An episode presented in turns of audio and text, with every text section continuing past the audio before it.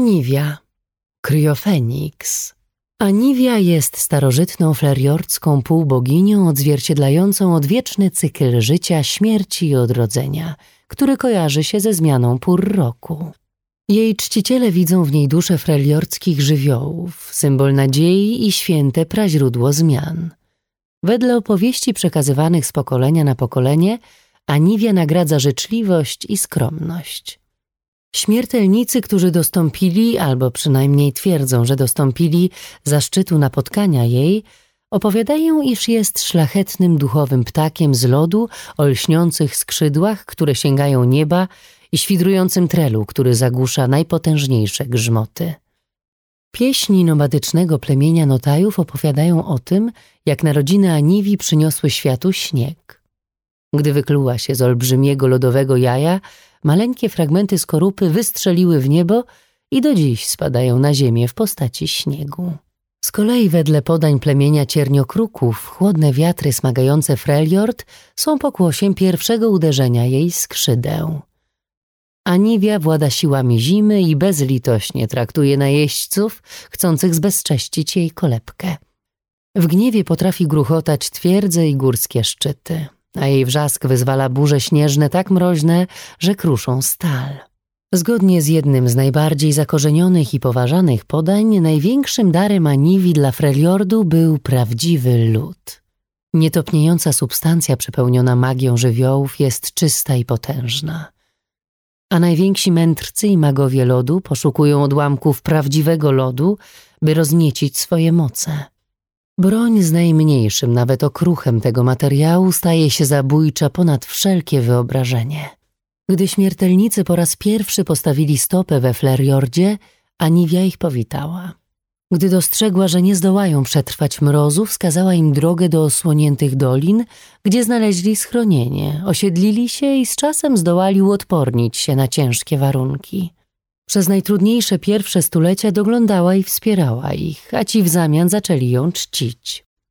Aniwia pałała nadzieją, że nowo przybyłe plemiona zjednoczą się w obronie Fleriordu przed obcymi. Lecz z biegiem czasu tarcia i waśnie rodowe stały się zbyt powszechne, co otworzyło drogę najeźdźcom. Wedle legendy pewien chciwy król z południa pomaszerował z armią przez góry, by podbić północne ziemie i ujarzmić tamtejszą dziką magię. Na widok pychy i arogancji najeźdźców Aniwia wpadła w furię i uderzyła w nich burzą śnieżną, która szalała przez stulecie i jeden dzień. Na ogołoconej równinie gdzieniegdzie wciąż można dostrzec menhiry, które wedle miejscowych są resztkami tej starożytnej armii. Wśród podań znajduje się też awarasańska legenda o Ulli pękającej włóczni, córze lodu i wojmatce, którą Aniwia upodobała sobie za uratowanie młodego jastrzębia przed szronokłem. Kryofeniks zawsze czuwał na straży Ulli, a gdy Wojmatka przeżywszy niemal sto zim, poległa wreszcie w bitwie, Aniwia podobno powitała jej ducha z szeroko rozpostartymi skrzydłami. Jeśli w tych legendach tkwi ziarno prawdy, Aniwia była świadkiem powstania i upadku niezliczonych cywilizacji śmiertelników. Po tych dawnych czasach pozostały ledwie strzępy, a większość odeszła w zapomnienie, zagrzebana pod tysiącami lat lodu. Jednak Aniwi śmierć nie imała. Sagi wspominają, że na przestrzeni historii wielokrotnie padała w walce, lecz zawsze się odradzała. Dopóki istnieje Freljord, jej dusza jest nieśmiertelna. Jej odrodzenie może trwać setki czy nawet tysiące lat, jednak zawsze zbiega się ze świtem nowej epoki. W związku z tym jej nadejście z jednej strony postrzega się jako błogosławieństwo, a z drugiej zwiastun strasznych wydarzeń. Powiadają, że niegdyś oddała życie, by powstrzymać pochód wielkich pustoszycieli. Aniwia wiedziała, że nie zdoła pokonać tych olbrzymich bestii, więc runęła w lód pod ich nogami, krusząc swe ciało, by spowić potwory lodem. Niedawno rozniosły się pogłoski, że Aniwia znów wykluła się z jaja i objawiła w Wojmatce Aż, nowej przywódczyni Awarosan. Może właśnie w niej Aniwia dostrzegła jednoczycielkę Freljordu. Jednak jeśli zgodnie z tym, co głosi coraz większa rzesza szamanów i duchowych wędrowców, Kriofeniks faktycznie powrócił, to należy zadać sobie pytanie, jakiemuż potężnemu zagrożeniu zamierza stawić czoła tym razem. Aż, lodowa łuczniczka. Aż pochodzi z północnego Freljordu, gdzie brutalne najazdy plemion i wojny wewnątrz klanów są na porządku dziennym, takie jak wycie mroźnych wiatrów i nieubłagane zimno tundry. Jako jedyne dziecko Greny, matriarchalnej dowódczyni niewielkiego plemienia Awarosan, Aż jest zrodzoną z lodu, członkinią kasty wojowników, których darem jest prastara więź z magią ich ojczyzny i rzadka zdolność korzystania z mocy prawdziwego lodu. Wszyscy założyli, że Aż pójdzie w ślady matki i zostanie kolejną przywódczynią plemienia. Jednakże Aż nigdy nie prosiła o taką chwałę. Ponura odpowiedzialność związana jej wojującym rodem i nadzwyczajnymi darami sprawiła, że aż czuła się odizolowana, przytłoczona i samotna. Wytchnienie przychodziło tylko wtedy, gdy Sejuani, zrodzona z lodu dziewczyna z siostrzanego plemienia, dołączała do letnich polowań w okolicach skał Ornkal. Ich przyjaźń zdefiniowała ich dzieciństwo, ale została przerwana, gdy weszły w wiek nastoletni. Grena w jakiś sposób obraziła babkę Sejuani i braterstwo pomiędzy plemionami nagle się skończyło. Niedługo potem starzejąca się matka Ash rozpoczęła mającą potrwać do końca jej życia misję, której celem było odnalezienie tronu Awarosy, rzekomo istniejącej góry skarbów i magicznych przedmiotów. Miała nadzieję, że to znalezisko przywróci świetność jej ludowi. Ale wiara Greny w przepowiednie i legendy doprowadziła do tego, że podejmowała ryzyko, co często osłabiało jej plemię. W końcu podczas niebezpiecznego i niepotrzebnego najazdu na ziemię innego plemienia Grena poniosła śmierć. Jej nagła śmierć zmusiła aż do ucieczki, a większość plemienia została wybita. Samotna, ścigana aż kierowała się ostatnią mapą swojej matki i natrafiła na opuszczony lodowiec, gdzie znalazła domniemany grób Awarosy i jej magiczny łuk z prawdziwego lodu. Aż użyła tej broni do pomszczenia matki, po czym skierowała się na zachód. Nieważne, czy postępowała tak z poczucia obowiązku, czy z samotności, ale zdobyła dobrą reputację chroniąc wiele plemion ogniolubnych, na które się natknęła. Porzuciła tradycję brania jeńców i zamiast tego czyniła tych zdesperowanych ludzi pełnoprawnymi członkami swojego nowego plemienia, a jej sława szybko urosła. Wkrótce potem wielu zaczęło uważać, że aż nie tylko dzierży broń Awarosy, ale sama jest uosobieniem legendy, która odrodziła się, aby zjednoczyć Freylord. Lecz niewiarygodne opowieści nie wyżywiłyby jej sprzymierzeńców, a długi przemarsz na południe sprawił, że plemię bliskie było głodowania.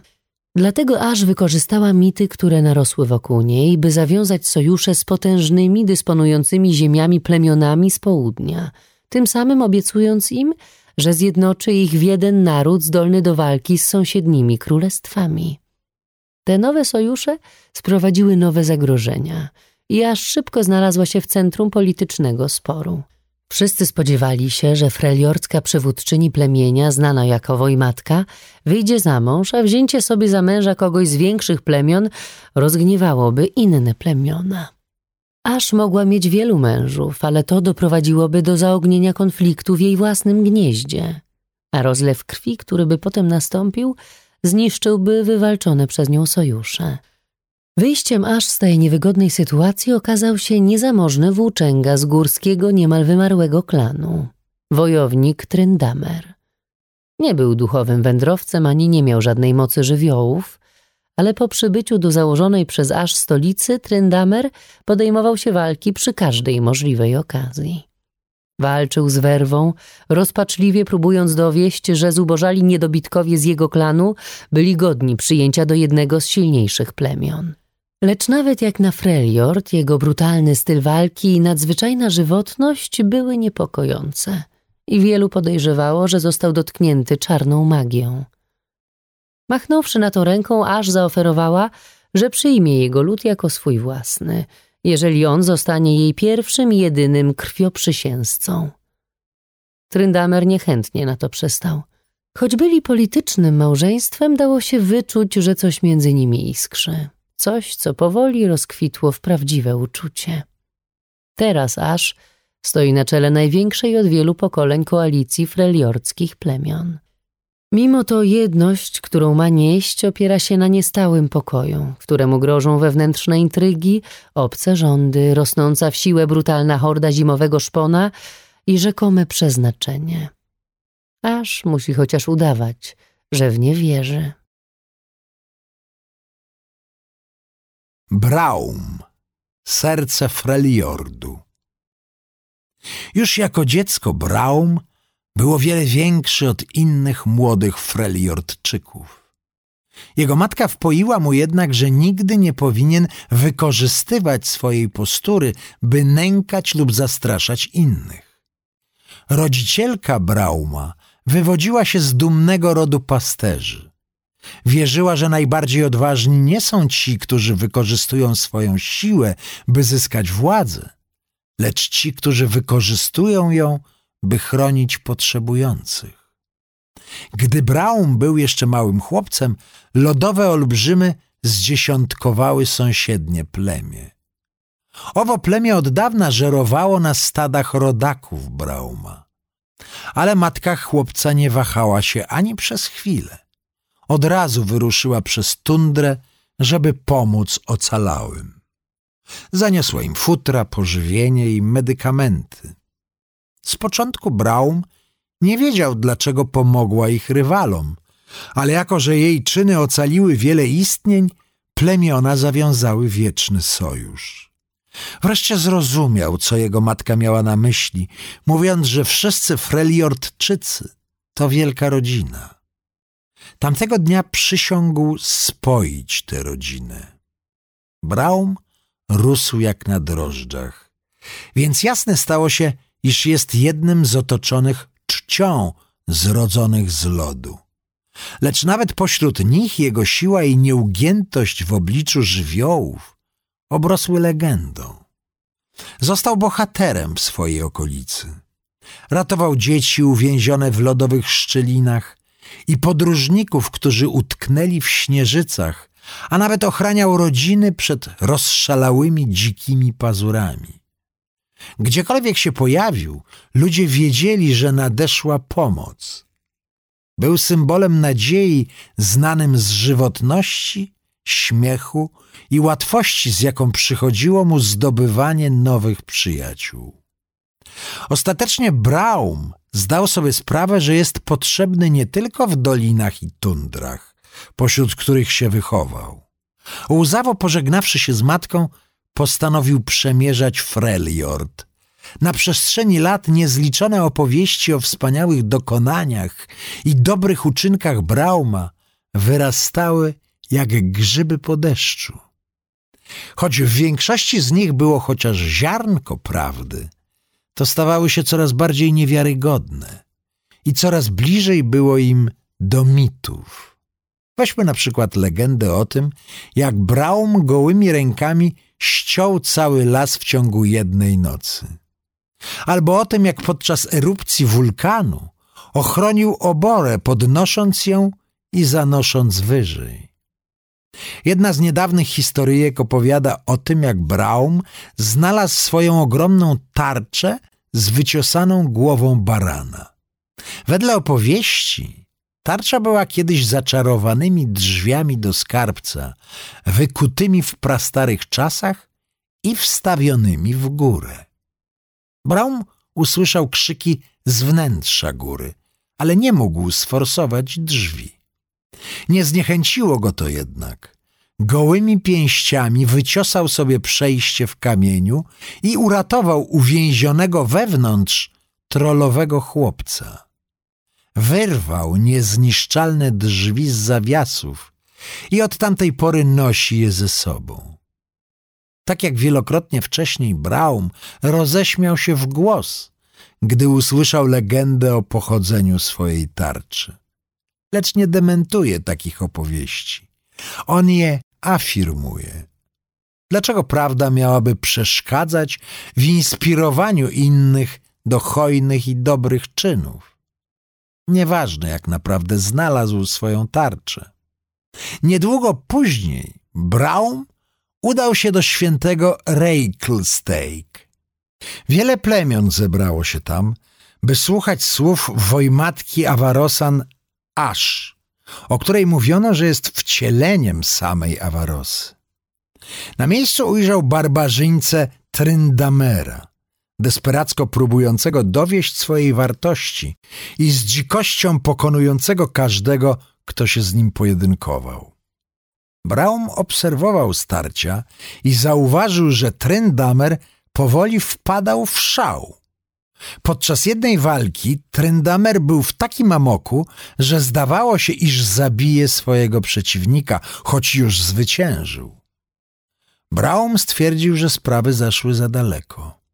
Wskoczył więc przed powalonego wojownika i uniósł swoją tarczę, a Tryndamer ciął i bił jej niesamowicie wytrzymałą powierzchnię. Gdy szał barbarzyńcy wreszcie przeminął, Braum zaraził go swoim dobrym humorem i niedługo później obaj mężczyźni śmiali się donośnie i pili za swoje zdrowie. Niektórzy twierdzą nawet, że to Braum zapoznał aż z Tryndamerem. Barbarzyńca ożenił się z nią i stał się jej jedynym krwioprzysiężcą. Braum nie należy do żadnego plemienia, albowiem uważa wszystkich Freljordczyków za braci i siostry. Mimo to widzi wasz, osobę zdolną do zakończenia odwiecznych sporów między freljordskimi plemionami. Więc Awarosanie nieoficjalnie uznali go za swojego. Braum często opowiada zapatrzonym w niego dzieciom o swoim marzeniu. Chce, by pewnego dnia Freljord zjednoczył się i stał jedną wielką rodziną. Dopiero wtedy będzie mógł odejść w cień i stać się skromnym pasterzem Poro. Choć Braum nie uważa nikogo za swojego wroga, zaliczył parę nieprzyjemnych spotkań z mroźną strażą, od kiedy znalazł niezniszczalne drzwi skarbca. Nie rozumie, dlaczego mroźni strażnicy mieliby żywić do niego urazę, ani dlaczego tak bardzo interesuje ich jego tarcza. Gnar, brakujące ogniwo. Zanim lud nadał Freljordowi imię, był on krainą wypełnioną po brzegi rzeczami niestworzonymi, o ile spojrzeć na to oczami Gnara. Gnar, młody Jordl, z nieskończonymi pokładami energii i inni mu podobni żyli swobodnie pośród zahartowanych plemion północy. Choć był tak mały, że ledwie zostawiał ślady w śniegu, jego temperament równał się werwie bestii dziesięciokrotnie większych od niego. A gdy tylko coś nie szło po jego myśli, wybuchał i puszczał wiązankę przekleństw. Z tego powodu czuł się bardziej związany z większymi i mądrzejszymi stworzeniami, które trzymały się z dala od śmiertelników. Według Gnara wyglądały one jak przerośnięte jordle o białym futrze i to mu wystarczało. Gdy plemiona przemierzały tundrę, zbierając dzikie jagody i smakowite mchy, Gnar zbierał najbardziej niezbędne rzeczy – takie jak skały, kamyczki i ubłocone szczątki martwych ptaków. Jego największym skarbem była szczęka druwaska. Kiedy wyrwał ją z uścisku zimnej ziemi, pisnął radośnie i rzucił nią najdalej jak mógł. Wylądowała dwa susy dalej. Podekscytowany tym wczesnym sukcesem, Gnar zabierał swój bumerang wszędzie. Świat starał się jak mógł, by zaproponować mu nowe rarytasy. Lśniący len, słodki nektar, okrągłe rzeczy, ale żaden z nich nie mógł dorównać czystej radości towarzyszącej mu wtedy, kiedy rzucał i łapał swoją ukochaną broń. Gnar zaczął uważać się za łowcę i śledził stada dzikich bestii, które nie zwracały na niego uwagi lecz nawet on mógł wyczuć zmianę, jaka miała nadejść do krainy. Niebo wydawało się być ciemniejsze, wiatry zdawały się być chłodniejsze, plemiona śmiertelników, które kiedyś podróżowały razem, teraz najwidoczniej polowały na siebie. Duże białe jordle wiedziałyby, co zrobić. Gnar miał zamiar się do nich wybrać. Wykorzystując wszystkie swoje zdolności łowieckie, trafił po ich śladach na pokryte śniegiem szczyty rozległego pasma górskiego, docierając zdecydowanie dalej niż kiedykolwiek wcześniej. Kiedy zbliżał się niezauważony, ujrzał tylu śmiertelników, że nie był w stanie ich zliczyć. Było to ekscytujące, ale nikt inny nie wydawał się być zbyt zadowolony z tego powodu. Potem zatrzęsła i rozstąpiła się ziemia. Po raz pierwszy w życiu Gnara wyglądało na to, że to wszyscy inni wpadali w histerię. Śmiertelnicy krzyczeli, duże jordle ryczały, lecz nadejście potwora uciszyło ich wszystkich. Wydostał się z nowo otwartej otchłani i miał ogromne rogi, chłostające macki i jedno oko, gorejące dziwnym światłem, od którego gnarowi zjeżyła się sierść na grzbiecie. Choć niektórzy śmiertelnicy uciekali na widok monstrum, gnar zaczął czuć dziwny ból w klatce piersiowej. Był niczym myśl o straceniu swojego bumeranga albo o tym, że już nigdy nie zostanie przytulony. Ten okropny stwór chciał skrzywdzić jego nowych przyjaciół. Zdenerwowało go to. W tamtej chwili Gnar poczuł prawdziwy gniew. Widział już tylko potwora. Nagle znalazł się w powietrzu, skacząc ku niemu.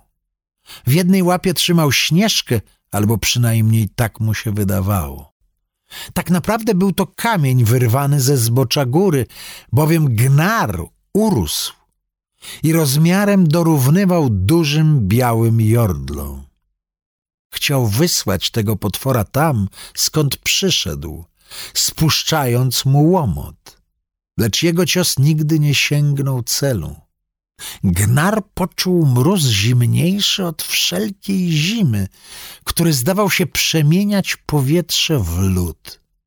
Ta magia żywiołów naprawdę go zamroziła, wdzierając się pod jego kudłatą sierść. Wszystko, łącznie z potworem, ucichło. Siła i wzburzenie Jordla stopniały. Głębokie zmęczenie zakradło się do jego kończyn i łagodnie zapadł w sen. Gnar drzemał przez długi czas. Kiedy wreszcie się obudził, zdyszany strząsnął szron ze swoich ramion. Wszyscy inni zniknęli. Jako, że nie było już potworów do zwalczenia, ani przyjaciół do ochronienia, Gnar znów poczuł się bardzo mały i samotny. Kraina też wyglądała inaczej. Śnieg leżał wszędzie, przykrywając wszystko, gdzie tylko okiem sięgnąć. Mimo to Gnar wydał z siebie okrzyk zadowolenia, kiedy zobaczył, że jego ukochany bumerang leży tuż obok i pośpieszył coś sobie upolować. Nawet teraz Gnar nie rozumie tego, co stało się tamtego pamiętnego dnia, ani tego, jak udało mu się uciec. Po prostu zachwyca się całym światem który jest pełen dziwactw do zebrania i miejsc do odkrycia. Gragas, karczemny zabijaka. Dla Gragasa ważniejsze od walki jest tylko picie. Jego niezaspokojone pragnienie mocnego piwa sprawia, że szuka najpotężniejszych i niekonwencjonalnych składników. Ten nieprzewidywalny i impulsywny typ uwielbia zaglądać do beczki równie mocno, co rozwalać łby. Picie z Gragasem zawsze jest ryzykowne z powodu jego dziwacznych mieszanek i gwałtownego charakteru. Uwielbia on dobrze wypić, ale jego ogromne rozmiary uniemożliwiają mu osiągnięcie błogosławionego stanu upojenia. Pewnej nocy, gdy wypił wszystko z beczek i wciąż odczuwał pragnienie, przyszedł mu do głowy pomysł. czemu sam nie stworzy czegoś, czym w końcu się upije? Wtedy poprzysiągł sobie stworzyć najlepsze piwo. Misja Gragasa w końcu sprowadziła go do Freljordu, gdzie poszukiwania najczystszej arktycznej wody doprowadziły go na niezbadane lodowce. Pewnego dnia zgubił się w nieprzerwanej zamieci, gdzie trafił na ogromną przepaść. Tam znalazł idealny odłamek lodu, nie przypominający niczego innego. Ten nietopniejący kawałek nie tylko nadał piwu niesamowite właściwości, ale miał i ciekawy efekt uboczny. Utrzymywał napitek w idealnej temperaturze. Pod wpływem nowego tworu Gragas udał się w stronę cywilizacji, chcąc podzielić się swym sfermentowanym dziełem. Los chciał, że pierwsze zgromadzenie ludzkie, które przykuło przymglony wzrok Gragasa, miało zmienić historię Freljordu. Wpadł on mianowicie w sam środek źle idących negocjacji dwóch plemion, które sprzymierzyć się miały z Asz. Chociaż ta z radością powitała przerwę w napiętych obradach, inni wojownicy oburzyli się i zwyzywali opoja. Zgodnie ze swą naturą Gragas odpowiedział dyplomatycznym strzałem z byka, co rozpoczęło bijatykę godną legend Freljordu. Gdy wszyscy obudzili się po tej tytanicznej walce, aż zaproponowała przyjacielskiego drinka zamiast nawalanki. Kiedy ich temperament przytłumił alkohol, dwa plemiona będące na skraju wojny połączyło uwielbienie dla napitku Gragasa. Chociaż uniknięto wojny, a jego ogłoszono bohaterem, wciąż nie udało mu się osiągnąć upragnionego stanu. Ponownie wyruszył w tundrę w poszukiwaniu składników na najlepsze piwo na runterze. Lisandra, wiedźma lodu. W dawno zapomnianej przeszłości, nim piaski zrodziły, po czym wessały Szurimę, staromagiczne istoty swobodnie przemierzały Runterę. Na granicy krainy śmiertelników toczyły się ciągłe walki. W tych niebezpiecznych i zmiennych czasach na świat przyszły Lisandra oraz jej siostry, Serylda i Avarosa. Każda z nich próbowała na swój sposób ujarzmić siły wojny i każda zapłaciła za to wysoką cenę. Usiłując przejąć dowodzenie nad niebiosami, Serylda straciła głos o pierwszym zmierzchu. Avarosa zmierzyła się z kotłującym się pod ziemią mrokiem i została ogłuszona jego pustką, która tylko czekała, by pochłonąć wszelkie istnienie. Lisandra stawiła zaś opór dzikiej magii świata śmiertelników. Karą za jej bunt był skierowany prosto w oczy cios szponami pierwotnego Boga i oślepienie. Choć każda z sióstr utraciła część siebie, to właśnie na mroźnych polach, na których Lisandra stoczyła liczne bitwy, złączyły się one w jedno i zatriumfowały. Razem były niepowstrzymane. Ale nawet więzy krwi nie mogły dać im wszystkiego. Obrawszy sobie nowy cel, Lisandra postanowiła kroczyć pośród snów. Przyglądając się mglistym wizjom otaczającego ją świata, zrozumiała, że tylko ona dostrzega, czym naprawdę jest znajdujący się pod nią mrok. Ziejąca otchłań, która stanowiła obietnicę nie tyle końca, co nieskończoności. Była to śmierć, równie niebezpieczna, co pełna potencjału. W tajemnicy przed siostrami Lisandra zawarła w ich imieniu pakt z boskimi bytami, z którymi nawiązała kontakt. Obserwatorzy mieli je obdarzyć niemal całkowitą nieśmiertelnością w zamian za przygotowanie runtery na nadejście pustki. Trzy siostry i najpotężniejsi z ich sojuszników zostali nazwani zrodzonymi z lodu. Ci, którzy potrafili się oprzeć najgorszym mrozom, mieli być oszczędzeni do samego końca.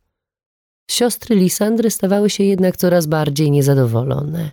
Avarosa mówiła, że od śmierci gorsza jest jedynie niewola. Nawet Serylda narzekała, obawiając się, co się stanie ze światem, o który tak bardzo walczyły. Lisandra znalazła się między młotem a kowadłem. Próbowała uspokoić siostry, jednocześnie prosząc obserwatorów o więcej czasu, ale dla niezmierzonej nicości takie błahostki były bez znaczenia. Pustka wlała się do świata śmiertelników na dalekiej północy, a wraz z nią tajemny sojusz Lisandry i obserwatorów wyszedł na jaw. Wówczas Lisandra mogła już tylko pozwolić pustce wszystko pożreć, albo zrezygnować z tego, na czym najbardziej jej zależało.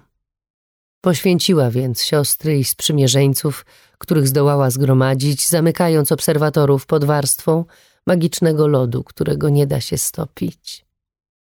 Wkrótce odkryła jednak, że moce żywiołów tu nie wystarczą. Koszmarne byty, które zamroziła, były tylko pogrążone we śnie i powoli zamieniały otaczający je prawdziwy lud w coś znacznie mroczniejszego. Teraz to one z łatwością wędrowały pośród snów Lisandry, która za każdym razem budziła się przerażona, przysięgając wierność lodowatej wieczności, której nadejście obiecywały. Jako jedyna ocalała, zebrała ostatnich sprzymierzeńców, którzy czcili ją i jej zmarłe siostry. Skoro prawdziwy lud miał moc opóźnienia nieuniknionego kresu wszechrzeczy, musieli zgromadzić go jak najwięcej i przeczesać zamarznięte ziemię w poszukiwaniu pozostałych zrodzonych z lodu. Lisandra i pierwsi członkowie jej mroźnej straży robili wszystko, co było w ich mocy, by zmienić historię, przechwytując wszelkie zapisy tego, co naprawdę się wydarzyło. Mimo to plotki i przepowiednie przetrwały w mitach i pieśniach. Szeptano, że Awarosa i Serylda pewnego dnia wrócą, by zjednoczyć skłócone plemiona. Wszystkich tych, których uznawano za ich nowe wcielenia, Lisandra kazała po cichu zabijać. Czasem wracała wśród cieni, by odnowić moce, którymi ją obdarzono – Podobnie jak uwięzionego pod lodem zagrożenia, Lisandra nigdy nie była w stanie w pełni kontrolować krążących wokół sióstr legend. Bez względu na to, czy stało się tak z jej poczucia winy, czy też z arogancji, niemożność wymazania ich historii dała o sobie znać po raz kolejny.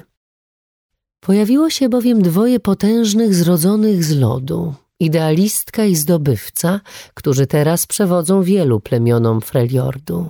Lisandra bacznie ich obserwuje, czekając na sposobność, by napuścić ich na siebie nawzajem, podwajając wysiłki w celu ostatecznego zagrzebania potwornych tajemnic, które zakopała głęboko pod cytadelą. Musi się jednak spieszyć, bo lód zaczyna topnieć.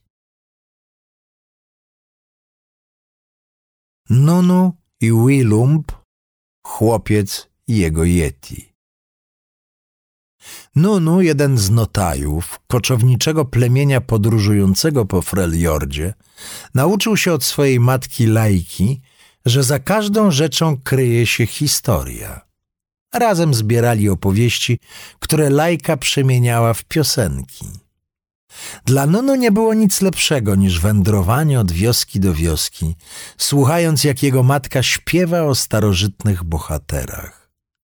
Gdy każdej zimy nastawał chłód, notajowie muzyką i tańcem nieśli ostatnią iskrę radości każdemu, kogo napotkali.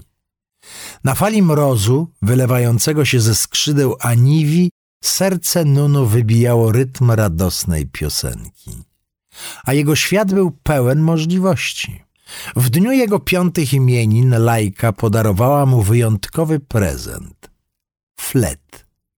Chciała, żeby nauczył się sam wygrywać jej melodię.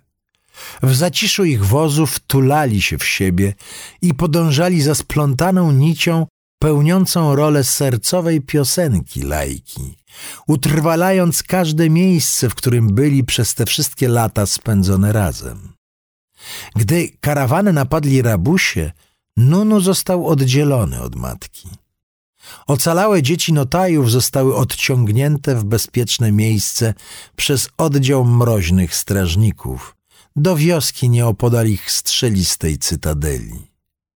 Nuno pozostało zastanawianie się nad tym, co stało się z lajką i czekanie, aż usłyszy jej piosenki na wietrze. Padał śnieg, tygodnie mijały. Nunu rozpaczliwie tęsknił za matką, ale mroźna straż zapewniła go, że żadne dziecko nie może bezpiecznie wybrać się na jej poszukiwania. Wcale nie byli pod wrażeniem, gdy pokazał im flet, który nazywał Svelsongurem, nazwą potężnego ostrza istniejącego tylko w jego wyobraźni. Nunu coraz więcej czasu spędzał sam, uciekając w piosenki swojej matki, w dawne legendy i bohaterów. Pragnął być jak jeden z nich, jak jeden z wojowników mroźnej straży, którzy mogli uratować jego matkę. Nunu poznał nawet przywódczynię mroźnej straży, Lisandrę, a ona zadawała mu multum pytań o historię jego matki, zawsze chcąc dowiedzieć się czegoś więcej o jednej szczególnej piosence. Nikt nie wierzył, że Nunu mógłby się stać bohaterem. Inne dzieci Notajów też nie dawały temu wiary i dokuczały mu z powodu jego fletu, bo same miały już sztylety. Lecz Nunu wiedział, jakie piosenki grały w ich sercach i pewnej nocy uświadomił sobie, jak może dowieść swojej wartości oraz zasłużyć na pomoc mroźnej straży w poszukiwaniach swojej matki. Od Lisandry dowiedział się o zdziczałym potworze zabijającym wszystkich, którzy chcieli posiąść jego moc. Psuł on szyki mroźnym strażnikom wysyłanym po niego każdego roku, a żaden z nich nigdy nie powrócił. Była pewna piosenka śpiewana przez matkę Nunu. Ale czy to była ta piosenka, o którą zawsze pytała Lisandra? Nagle Nunu olśniło. Lisandra chciała wiedzieć o Yeti. Nunu potrafił nazwać tę bestię. Musiała odpowiedzieć na jego wyzwanie i poczuć gniew z Felsongura. Używając swojego fletu, by okiełznać stado elkirów, Nuno wymknął się na śnieg. Jedno samotne dziecko wyruszyło, aby stawić czoła potworowi i wreszcie przeżyć legendę, która nawet mu się nie śniła. Cywilizacja Yeti, starożytnej szlachetnej rasy panującej kiedyś nad górami Freljordu, została zniszczona przez lodowy kataklizm. Jeden Yeti zmuszony patrzeć, jak jego pobratymcy staczali się w dzikość po tym, gdy zostali odarci z magii, przysiągł chronić pozostałości po ich potędze. Klejnotu, który wirował od zamrożonych snów każdego śmiertelnika w jego pobliżu. Jako ostatni magiczny Yeti, strażnik został również ukształtowany przez przekonanie innych o nim. Choć został wybrany, by sprawować pieczę nad magią do czasu, aż znowu będzie potrzebna, nie mógł znaleźć żadnego godnego nośnika. Ludzie, którzy byli intruzami w jego zrujnowanym domu, mieli w swoich sercach tylko złe zamiary. Więc potwór witał ich kłem i pazurem. Lecz strażnik wiedział, że coś umykało jego pamięci. Jego imię i imiona tych, których dawniej kochał. Była kiedyś pewna piosenka. To wszystko zmieniło się, gdy młody chłopiec natknął się na ruiny. Po wiekach niestrudzonego wartowania potwór był gotowy zakończyć życie chłopca i zaczął warczeć, gdy wyczuł zbliżającego się człowieka. Niespodziewanie klejnot ujawnił kłębiące się w umyśle chłopca obrazy pełne bohaterów, zabijających smoki i dekapitujących starożytne jaszczury. Dziecko zagrzmiało, dobywając fletu niczym straszliwego miecza. Lecz cios nigdy nie nadszedł gdyż mimo, że chłopiec widział wizje o bohaterach wirujące wokół niego, to uświadomił sobie, że w śpiewanych przez jego matkę piosenkach kryła się głębsza prawda. Kiedy spojrzał na strażnika, nie ujrzał potwora. Ujrzał kogoś, kto potrzebuje przyjaciela. Wciąż rozwścieczony Yeti nie spodziewał się pierwszej śnieżki, która trafiła w jego twarz, drugiej też nie walka na śnieżki. W gniewie, potem w niedowierzaniu, a na sam koniec radośnie strażnik dołączył do zabawy. Kierowany nie strachem, ale wyobraźnią dziecka. Stawał się coraz bardziej włochaty i przyjazny. Jego ryk powoli przemieniał się w śmiech, dopóki stwór przypadkowo nie złamał fletu chłopca. Gdy dziecko zaczęło płakać, strażnik poczuł, jak wokół klejnotu tworzy się bliźniaczy jego uczuciu żal. Wiekami spozierał w klejnot i widział kres swoich rodaków, zagrożenie, które zakopali, zdradę oślepionej, teraz jednak widział płonącą karawanę. Usłyszał głos na wietrze. Wyczuł w chłopcu coś jeszcze, coś, czego nigdy wcześniej nie czuł od człowieka, nawet od trzech sióstr, które przyszły do niego dawno temu. Była to miłość dająca opór rozpaczy. W tamtej chwili strażnik wiedział już, że jedyna nadzieja Freljordu jest w mocy już tkwiącej w tym dziecku. Strzeżona przez niego magia była narzędziem. Prawdziwe znaczenie miało tylko serce mające nadać jej kształtu. Strażnik wykonał gest. I magia przelała się z klejnotu na chłopca, dając mu zdolność do urzeczywistnienia jego wyobraźni do naprawienia jego fletu poprzez zamrożenie go w snach, które twardniejąc zamieniały się w prawdziwy lud. Do wyobrażenia sobie najlepszego przyjaciela imieniem Willump.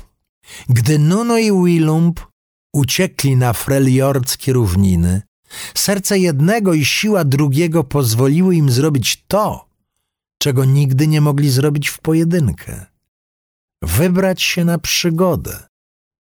Podążając za piosenkami matki Nunu, szalenie skaczą z jednego miejsca do drugiego i trzymają się nadziei, że ona wciąż gdzieś tam jest. Lecz Willump wie, że magia i marzenia ciągną za sobą odpowiedzialność.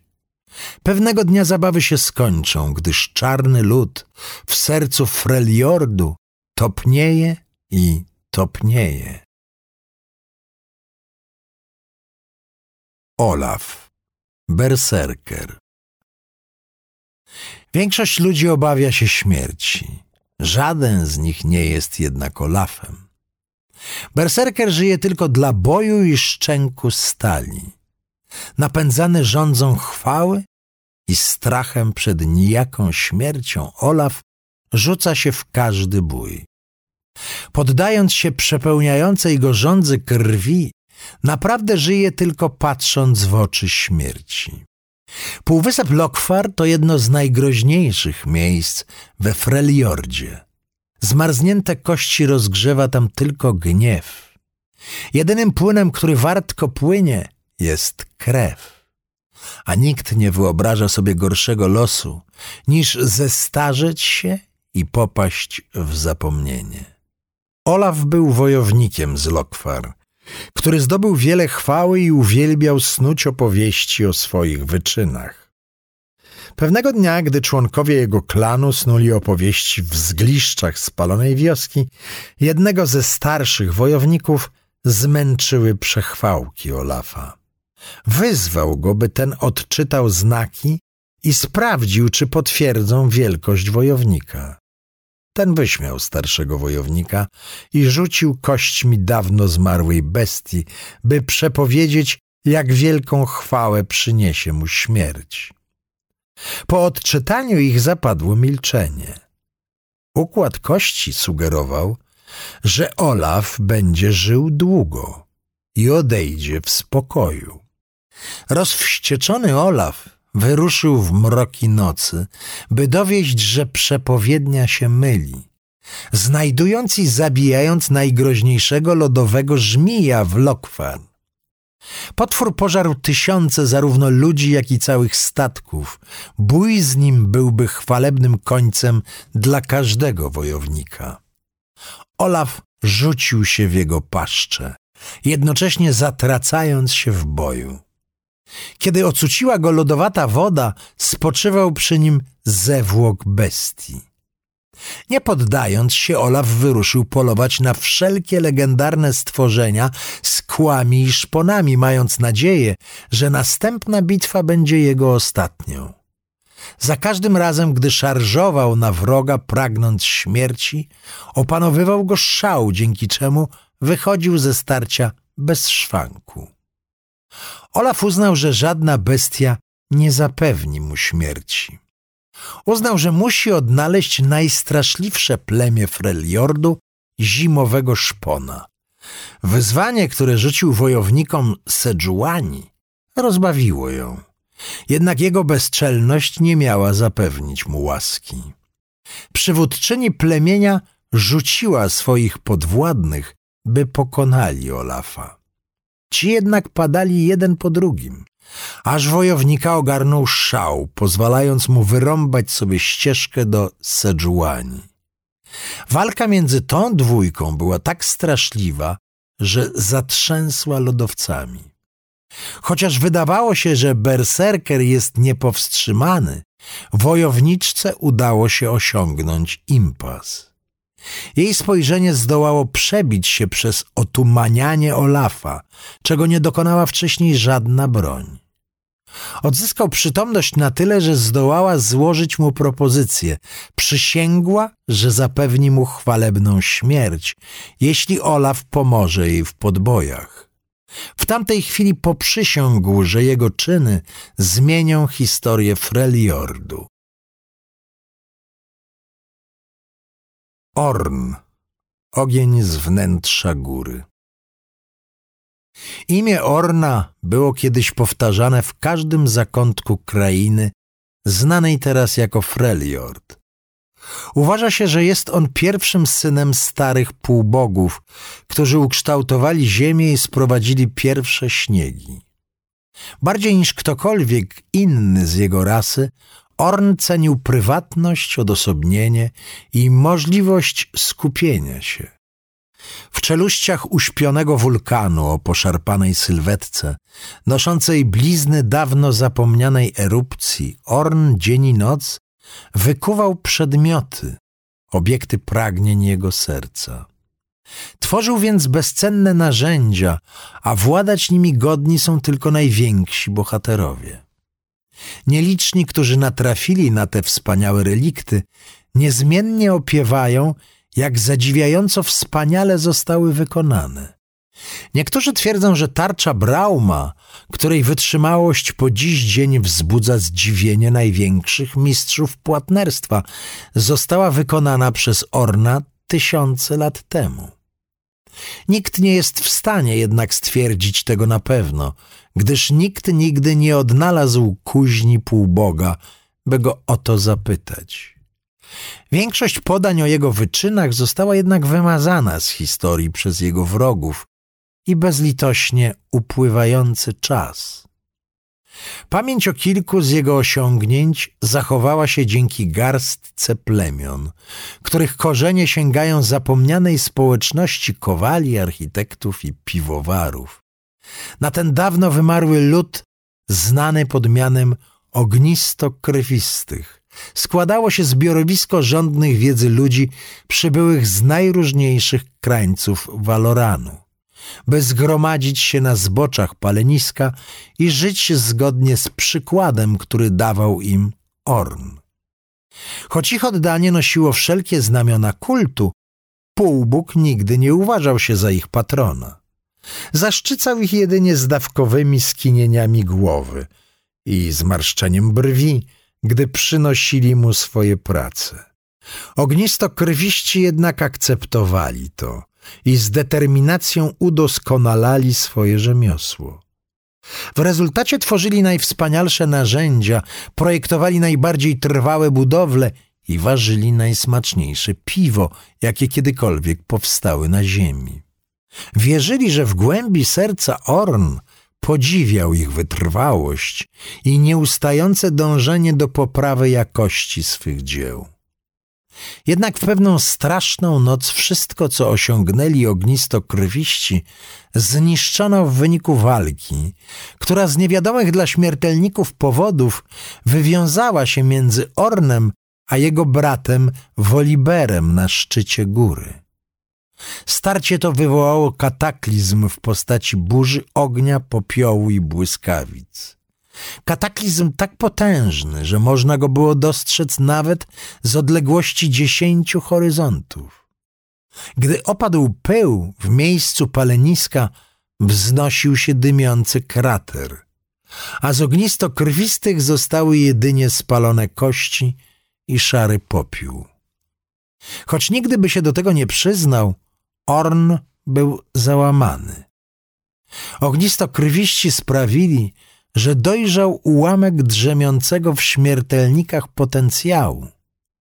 Teraz ich geniusz został stracony w wyniku starcia nieśmiertelnych o nieokiełznanej sile. Dręczony poczuciem winy półbóg wycofał się w zacisze odlewni i trwał w samotności przez wieki, oddany pracy. Teraz jednak czuje, że świat znalazł się u progu nowej ery.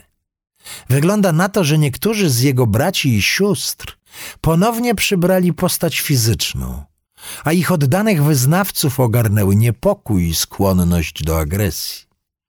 Freljord jest rozdarty i pozbawiony odpowiedniego przywódcy, a prastare ochyctwa czają się w ciemnościach, czekają na odpowiednią chwilę, by uderzyć. Orn wie, że w czasie zbliżających się wojen i tego, co po nich nastanie, Freljordowi i całej runterze przyda się dobry kowal. Sejuani Gniew północy Sejuani była dzieckiem z freliordzkiego małżeństwa politycznego, które skończyło się z takim samym chłodem, z jakim się zaczęło – jej matka, zrodzona z lodu wojowniczka Kalkia z zimowego szpona, porzuciła swoją nową rodzinę na rzecz mężczyzny, który skradł jej serce wiele lat wcześniej, a plemię popadło w chaos i zaczęło się rozpadać bez młodej wojmatki na czele. Sedżuani wychowywała jej babka, Hejan. Choć Sedżuani starała się jak mogła, żeby zasłużyć sobie na miłość Hejan, nigdy nie była w stanie sprostać jej wysokim oczekiwaniom. W ciągu następnych lat, gdy plemię pogrążało się w coraz to większych kłopotach, Hejan miała jeszcze mniej czasu dla dziewczyny. Dostatek, miłość, poczucie bezpieczeństwa. Sejuani doświadczyła tego dopiero dzięki wizytom u siostrzonego plemienia zimowego szpona, Awarosan. Każdego lata Grena, najsłynniejsza wojowniczka w całym regionie, zabierała Sejuani do swojego domu – gdy Sejuani odkryła, że Grena pokonała kiedyś Kalkię w pojedynku, wojmatka Awarosa natychmiast stała się jej idolką, a córka Greny aż stała się jedyną osobą, którą kiedykolwiek uważała za prawdziwą przyjaciółkę. Kiedy Grena zakwestionowała sposób, w jaki babka traktowała Sejuani, urażona Hejan zerwała wszystkie więzy z Awarosanami. Potem zimowy szpon wszczął szereg konfliktów z innymi sąsiednimi plemionami, próbując odzyskać ziemię i honor, które utracił wraz z ucieczką Kalki. Ale to desperackie zagranie jedynie wpędziło społeczność w jeszcze większą ruinę. Jakimś cudem Kalkia się o tym dowiedziała. Usłyszawszy o niedoli swojego byłego plemienia, powróciła i jeszcze raz przybrała rolę wojmatki. Mimo to zdławienie tych waśni sprawiło, że zimowemu szponowi zostały tylko nieurodzajne ziemie i garść innych zasobów, przez co musieli zdać się na ochronę mroźnej straży. Sejuani była tym poirytowana, więc postanowiła odebrać przywództwo swojej matce. Złożyła świętą przysięgę, że poprowadzi niebezpieczny atak na noksjański statek wojenny, w nadziei, że wypełnienie zobowiązania wystarczy, aby zjednać sobie plemię, a z jego wsparciem będzie mogła wydrzeć władzę z rąk Kalki i kapłanów mrozu. Podczas tego szaleńczego najazdu Sejuani uratowała młodego druwaska przed skończeniem wrzeźni i nazwała go Bristol. Choć wtedy nie mogła tego wiedzieć, ten stwór miał rosnąć, by dorównać rozmiarami największym druwaskom, jakie kiedykolwiek widziano i stać się jej lojalnym wierzchowcem. Jako, że jej atak się powiódł, Sejuani stwierdziła, że najwyższy czas wyzwać matkę na pojedynek o plemię. Wedle prastarych tradycji coś takiego było nie do pomyślenia, ale Sejuani nie dała się odwieść od swojego postanowienia. Rozgniewani kapłani mrozu byli zmuszeni zainterweniować, a Kalkia umarła zanim Sejuani mogła się z nią zmierzyć. Jako nowa wojmatka zimowego szpona Sejuani zaczęła atakować i wcielać pobliskie plemiona w swoje zastępy, tym samym rosnąc w siłę i zapewniając sobie istną hordę sprzymierzeńców. Jej sprzeciw wobec mroźnej straży przyciągnął również wygnanych szamanów, duchowych wędrowców zrodzonych z lodu, dzieci burzy i bezlitosnych wyznawców starych bóstw z całego Freljordu. Choć kiedyś byli słabi, okryci niesławą i padali ofiarą swoich sąsiadów, członkowie zimowego szpona w kilka lat zyskali przerażającą reputację na północy. Zasłynęli z szybkości i brutalności i całkowitego oddania swojej wojmatce – Teraz, na przełomie pór roku, Sejuani prowadzi kampanię przeciwko plemionom z południa i intruzom z Noxusu, a nawet zapuszcza się na granicę z Demacją, najeżdżając, grabiąc i mordując wszystkich, którzy się jej sprzeciwią. Ostatecznie chce zniszczyć prężną koalicję plemion utworzoną przez jej przyjaciółkę z dzieciństwa, Ash. Zdaniem Sejuani wojmatka Avarosan nie tylko dopuściła się zdrady wobec ich przyjaźni, ale, co dużo gorsze, sprzeniewierzyła się dziedzictwu Greny. Dlatego Sejuani ma zamiar dowieść, że tylko ona jest godna władania Freljordem. Trandl, król troli. W większości przypadków trole to ogromne, bestialskie stworzenia, zamieszkujące najmniej przyjazne środowiska w runterze. Choć nie są one zupełnie odporne na ból, obdarzono je niemałą tężyzną i zdolnością regeneracji szybszej niż regeneracja innych ras śmiertelników, w szczególności wątłych ludzi. Oznacza to, że potrafią wytrzymać w skrajnych klimatach i wyżyć na niewielkich zasobach, dzięki czemu przeżywają wszystkich swoich rywali. Głównie dlatego niektóre z największych znanych plemion troli wciąż nazywają góry Freljordu swoim domem. Trandl przyszedł na świat w obrzydliwej jaskini, w miocie z piętnastoma rodzeństwa. Czasy były wyjątkowo ciężkie, więc tylko siedmioro z nich wyrosło na wystarczająco silne, by dołączyć do wojennej bandy ich wodza. A po pierwszej zimie grabienia pozostała ich jedynie trójka. Gdy wojenna banda ucztowała, wódz powiedział o swoim zamiarze zawrócenia i ponownego ograbienia tych samych terenów. Zasiałoby to strach w sercach wszystkich ich wrogów, a za każdym razem byłoby łatwiej grabić. Trandl zmarszczył czoło, wstał i stwierdził, że ten plan jest do niczego. Ludziom, których zdruzgotali, nie zostało nic, co plemię mogłoby im zabrać. Zatem lepiej byłoby wrócić do nich przyszłą zimą, gdy znowu zapełnią spichlerze, a bydła będzie na tyle dużo, żeby wystarczyło go na więcej niż jeden duży kęs. Wielu innym trolom ten pomysł wcale się nie spodobał. Zgrzytały zębami i waliły w skroń, próbując zrozumieć propozycję Trandla. Czy był tchórzem? Czy może zimno przeżarło mu mózg i zamieniło go w breje? Wódz pobił Trandla kamieniem i zrzucił go ze zbocza góry. W jego bandzie wojennej nie było miejsca dla głupców. Trandl zawędrował daleko, albowiem wiedział, że nigdzie w pobliżu nie jest mile widziany. Unikał innych troli, rozsianych po tundrze i z wielką ostrożnością trzymał się z dala od dzikich yeti, które szwędały się po wyżynach. Gdy zapadła noc, spojrzał w gwiazdy i przypomniał sobie wszystkie historie, jakie opowiadano mu za młodu. Legendy o Pendraku Mądrym i innych pradawnych królach troli, potomkach dawnych bogów, obdarzonych potężną bronią, która była symbolem ich prawa do władania światem. Pewnego dnia Trandl dotarł do ogromnego pęknięcia w ziemi. Choć był rad, że wreszcie mógł skryć się przed wiatrem, szybko zgubił się w labiryncie poskręcanych, przepastnych kanionów, które zdawały się widzieć głębiej pod Freljordem niż góry wyrastały nad tą krainą. Na samym dnie otchłani Trandl spotkał wiedźmę lodu. Czekała na niego na migoczącym, zamarzniętym jeziorze, otoczona małymi ludzkimi wojownikami odzianymi w futra i metal. Trandla wcale to nie ruszyło. Ale wiedźma lodu chciała wiedzieć, jak trafił do tego miejsca, w samo serce jej królestwa i jakim cudem mógł kroczyć po jej jeziorze. Trandl spojrzał w dół. Lód pod jego nogami był ciemniejszy od nocnego nieba, będącego tak wysoko nad jego głową. Jego mózg aż chciał kotłować się w czaszce. Wiedźma lodu powiedziała Trandlowi, że jest wyjątkowy, że jest jakimś zrodzonym z lodu, co oznaczało, iż powinien z nią zostać.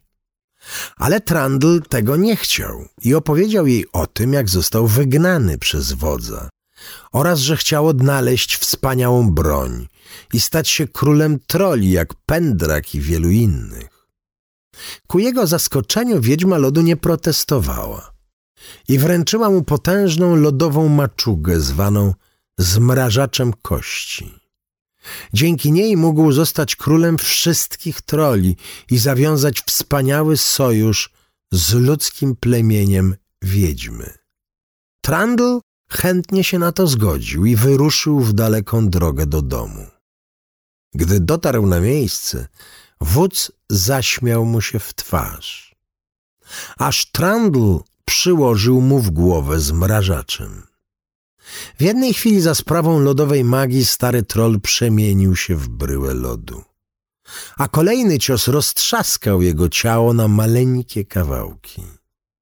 Reszta wojennej bandy, zdumiona nową siłą Trandla, wysłuchała jego opowieści o wiedźmie lodu i sojuszu, który obiecała. Trandl był mądry. Trandl był wybrańcem, obdarzonym wielką mocą. Trandl miał zostać ich królem. A z Trandlem na czele ich czas na pewno niedługo nadejdzie. Trendamer, król barbarzyńców.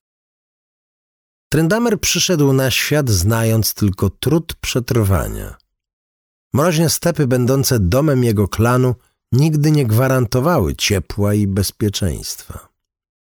Chociaż czcili wszystkich dawnych freliorckich bogów oraz kult trzech, najczęściej modlili się do istoty znanej z siania spustoszenia w tundrze żywiołowego, nieśmiertelnego giganta. Ponieważ brakowało im materiałów do wykuwania zbroi, klan skupił się na tworzeniu wielkich ostrzy inspirowanych potężnymi kłami ich boga. Wytrzymałość i bojowa dzikość ludu Tryndamera szybko stały się legendą. Z powodzeniem przepędzali wrogie plemiona i zabijali bestie z gór. Skutecznie odstraszali nawet Noksjan nadchodzących z południa. Trendamer wyrósł na twardego i groźnego wojownika, jednak dopiero pewnej zimowej nocy jego siła została wystawiona na prawdziwą próbę.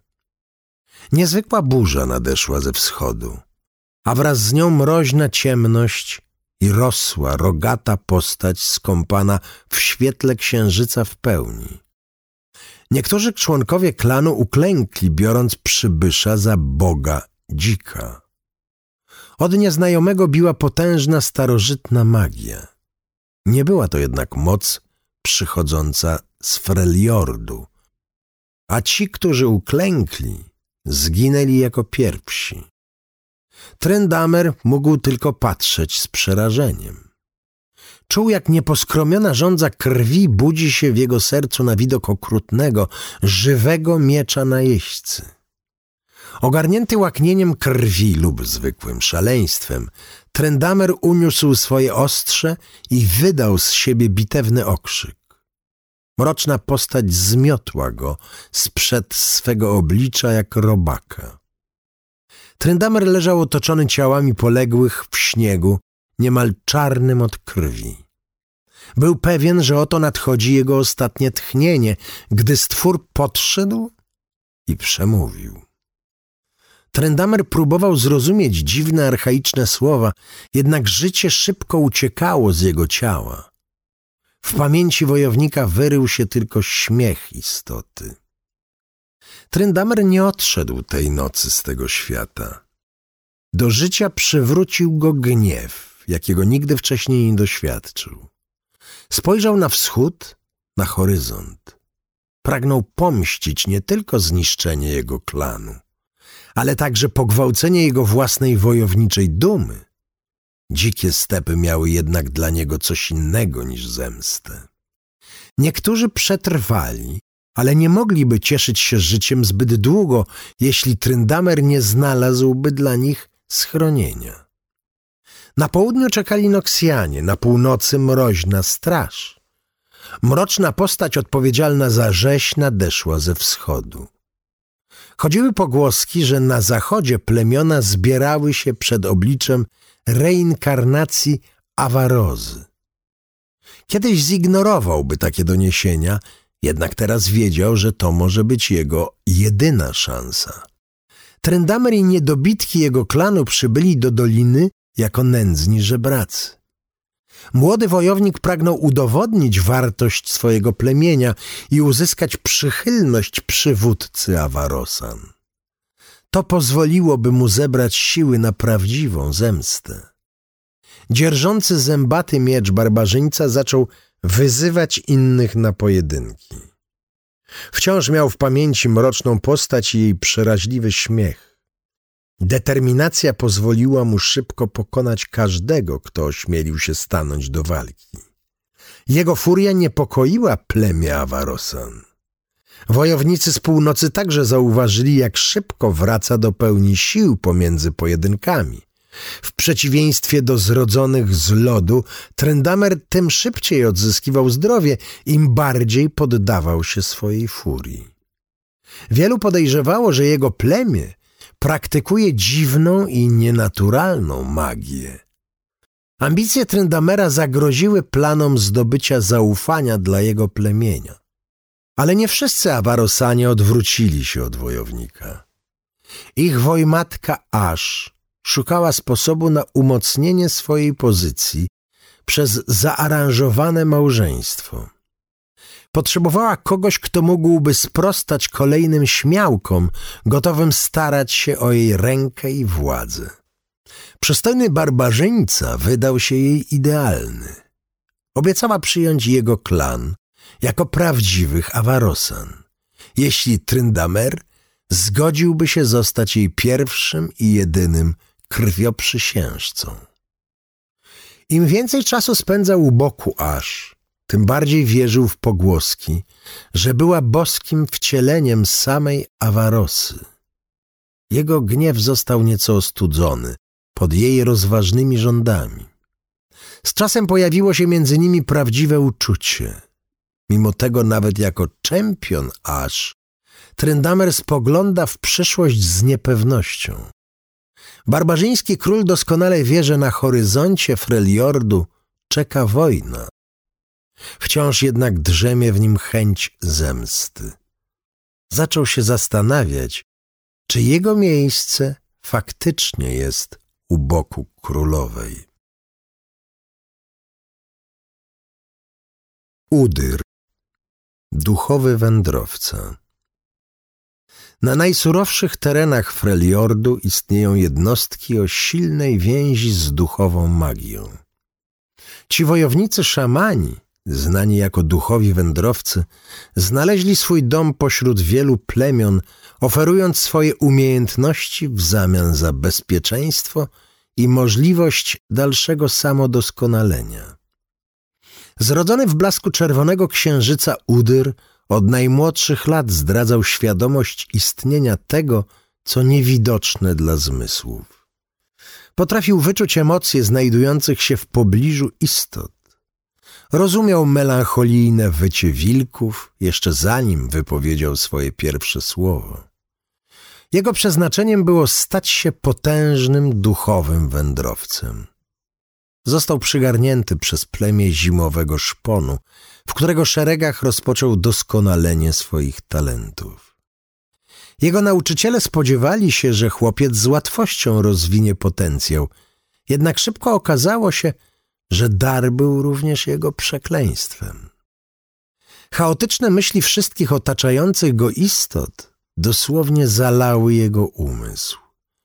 Niemal wpadł w obłęd. Udyr dniami i nocami myślał tylko o tym, jak potrzebuje samotności. To życzenie zostało jednak spełnione w najgorszy możliwy sposób. Pewnego wieczora jego plemię padło ofiarą zasadzki mroźnej straży. Bezwzględni poplecznicy lodowej wiedźmy wycinali każdego bez wyjątku, z pieczołowitością pozbywając się tych, którzy wykazywali jakiekolwiek oznaki znajomości duchowej magii. Gdyby nie bohaterskie poświęcenie jego mentorów, Udyr najpewniej spotkałby swój koniec tej mrocznej nocy. Pełen rozpaczy, zmęczony krzykami członków swojego plemienia, Udr stracił kontrolę. Uwolnił swą furię, która wywołała potężną eksplozję duchowej energii. Fala była tak potężna, że zatrzęsła pobliskimi wzgórzami. Twarde czapy śniegu dosłownie rozsypały się w pył. W przeciągu ledwie sekund potężna lawina zeszła na pole bitwy, zmuszając najeźdźców do odwrotu. Gdy młody duchowy wędrowiec wydostał się z pobojowiska, odnalazł niewielu ocalałych. Obawiając się jego niszczycielskiej mocy, plemię zimowego szponu opuściło młodzieńca. Wszyscy poza jednym. Pewna zrodzona z lodu wejrzała w głąb Udyra i zobaczyła coś więcej niż gniew. Ujrzała mężczyznę mającego słabości jak każdy inny. Dwójka cieszyła się każdą chwilą spędzoną razem. Pozwalał im przetrwać w trudnych warunkach panujących we Freljordzie. Poza tym jednym związkiem Udyr preferował jednak samotność. Większość uciekała w popłochu na sam jego widok. Było tak aż do momentu, gdy poznał mnicha z odległych krain. Mężczyzna poszukiwał mądrości tych, którzy potrafili stworzyć więź z duszami pierwotnych bestii. Udyr nie ufał obcym. Wyprowadzał w kierunku mnicha cios za ciosem, ale tamten z łatwością unikał każdego. Gdy obaj się zmęczyli, mnich przedstawił się jako Li Sin. Udyr dostrzegł w nim kogoś, kto potrafi zrozumieć jego trud. Zawiązała się między nimi przyjaźń. Lisin zaproponował Udyrowi podróż na wschód do Joni, gdzie od wieków uczono się panowania nad niespokojnymi duchami. W czasie podróży dowiedzieli się, że imperium Noxusu napadło na Jonie. Udyr zaproponował, że wraz z nowym przyjacielem dołączy do obrony klasztoru w Hiranie. Umiejętności duchowego wędrowca okazały się nieocenione. Udry zaczerpnął mocy potężnych bestii i skierował ich siłę do swych śmiercionośnych pięści. Po długiej i brutalnej bitwie stał u boku zmęczonych bojem mnichów. Zwyciężyli. Zachęcony zrozumieniem duchowego świata przez Jonian, Udr zdecydował się tam pozostać i ćwiczyć pod czujnym okiem starszyzny Hirany.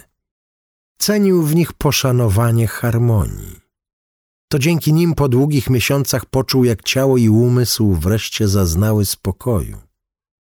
Udyr nie mógł jednak porzucić ojczyzny na zawsze. Usłyszał niesione przez zachodni wiatr niespokojne wołania duchów Freljordu. Poczuł, że niebezpieczeństwo czai się na horyzoncie. Był zmuszony pożegnać Jonie i Lisina. Wyruszył na ponowne spotkanie z zimowym szponem, nie mogąc w żaden sposób przewidzieć, jak zostanie przyjęty. Woliber, bezlitosny grom. Niektórzy znają go jako ryk gromu, giganta burzy albo walchira. Inni mówią, że to spustoszenie, tysiąckroć przebity niedźwiedź albo ten, który przetrwał. Ale większość plemion, które nie porzuciły dawnych zwyczajów, zwie go Woliberem. Woliber, uosobienie zniszczenia, siły i burzy, jest symbolem niepowstrzymanej potęgi i furii samego Freljordu. To Woliber i jego bracia półbogowie stworzyli krainę zwaną przez nich Woriardem, na długo przed pojawieniem się ras śmiertelników.